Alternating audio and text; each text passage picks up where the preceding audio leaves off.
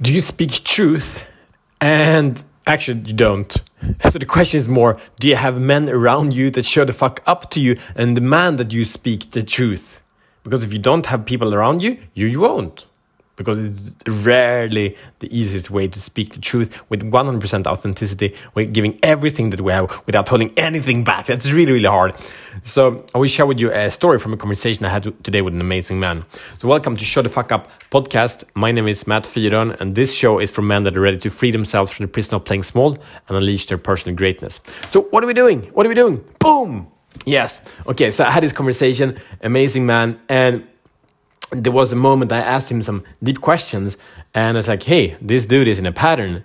And I saw like, okay, this guy is super, super sharp. He's like so sharp. His mind is so sharp. He has answers and he reformulates my question and twists and turns them. It's like, what the fuck is going on? did it with love. Anyway, and then I asked him, like, can I give you a, a feedback? Can I give you a reflection? And he said, yes, you may. And uh, then I said, so I what I'm seeing here is I'm asking you these questions and, and you have a great and you, you twist and turn this and but you're actually not answering the question. So what I see a really really sharp mind and your sharp mind is holding you away from your truth. And when I said this, this man like just took a breath, you know, a deep breath, you know, like he had been hit by something big, and then he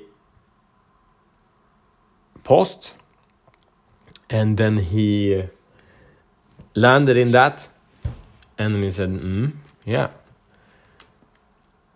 that's true. And then we elaborated uh, on that for for some time.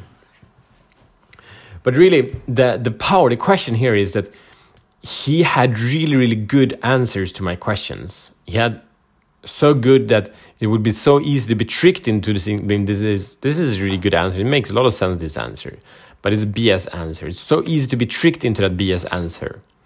And most of the people around us, they are tricked into that because that's it's stressful. a lot of things going on. It's the boss, if it's your friends, if it's your your wife or whoever it is.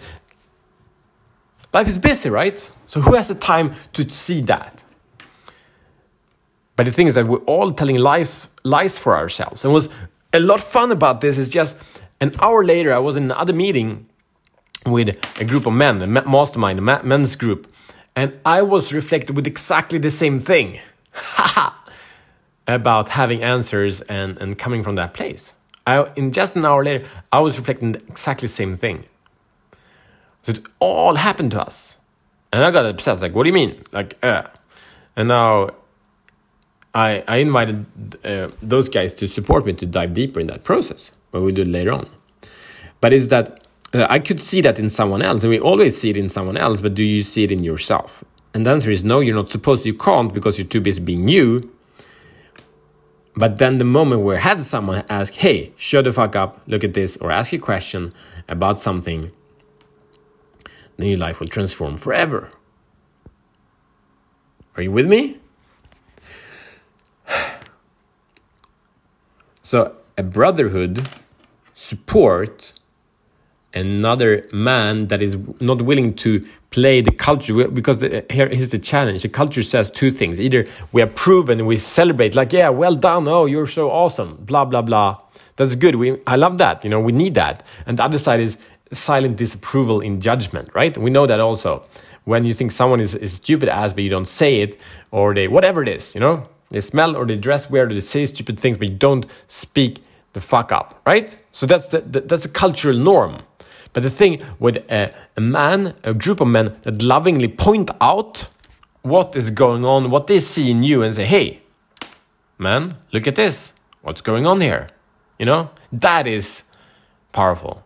And we need so we need two combinations like we need we need consciousness, the awareness in that. We need to come from a place of love, and we need the allowance. We ask, can I point this out? Can I ask you this, or or can I share my what I, what awakens in me? So when we point this out, uh, support someone to be the best them. That's a, a best gift, but we need to design that. We didn't need to design uh, for the first one. I had designed the context for him. For the second uh, context, I had designed that for us I had invited these men to do this. We've been doing it for, for, for about 10 months now. So we need to take the initiative so we can be led in that journey. Because if we do nothing, nothing will happen. All right. So my mission should choose to accept it is to take an inventory in your life. Who's the one speaking truth fearlessly?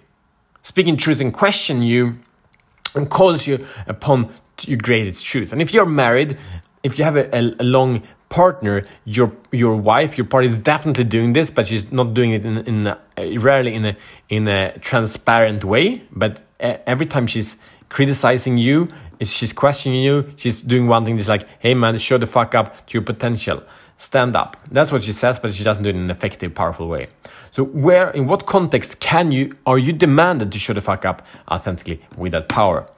That is my invitation. If you want support, if you want feedback, if you want direction in any part of the world where you can find that support in group or uh, as an individual, you can send me a message at i at showtfup.com and we bring things to a new level. That's it. See you tomorrow as better men.